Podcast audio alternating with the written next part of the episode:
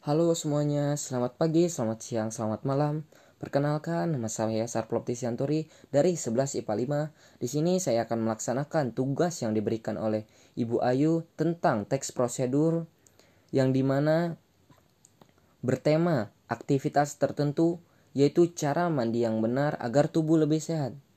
Jadi tujuannya yaitu untuk memberitahu si pembaca bagaimana melakukan kegiatan mandi dengan benar agar kesehatan dan kebersihan kita menjadi lebih terjaga atau terhindar dari penyakit-penyakit dan kuman.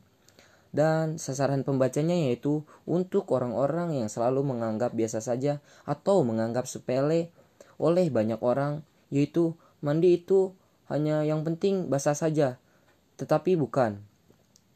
Mandi juga berguna untuk kesehatan dan kebersihan.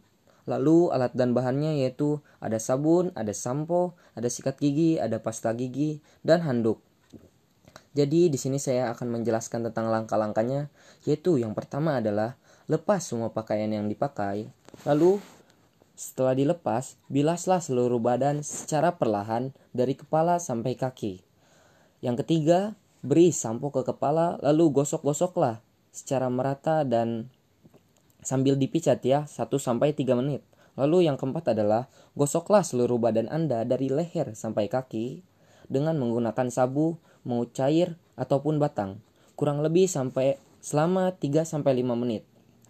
Setelah melakukan langkah ketiga dan keempat, lalu bersihkanlah seluruh badan dengan air sampai bersih.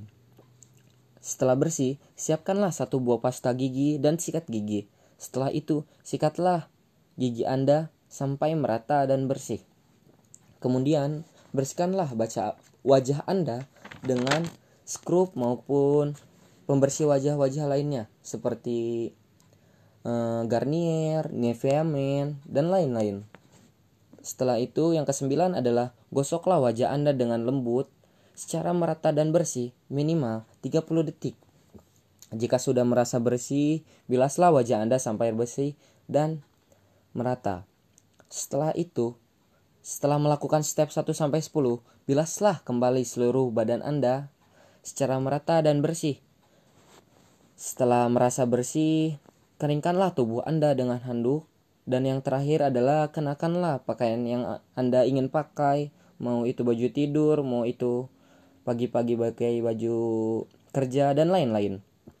Dengan menggunakan langkah-langkah tersebut, Anda akan memiliki tubuh yang lebih bersih dan lebih sehat agar terhindar dari penyakit-penyakit maupun kotoran-kotoran yang ada di luar.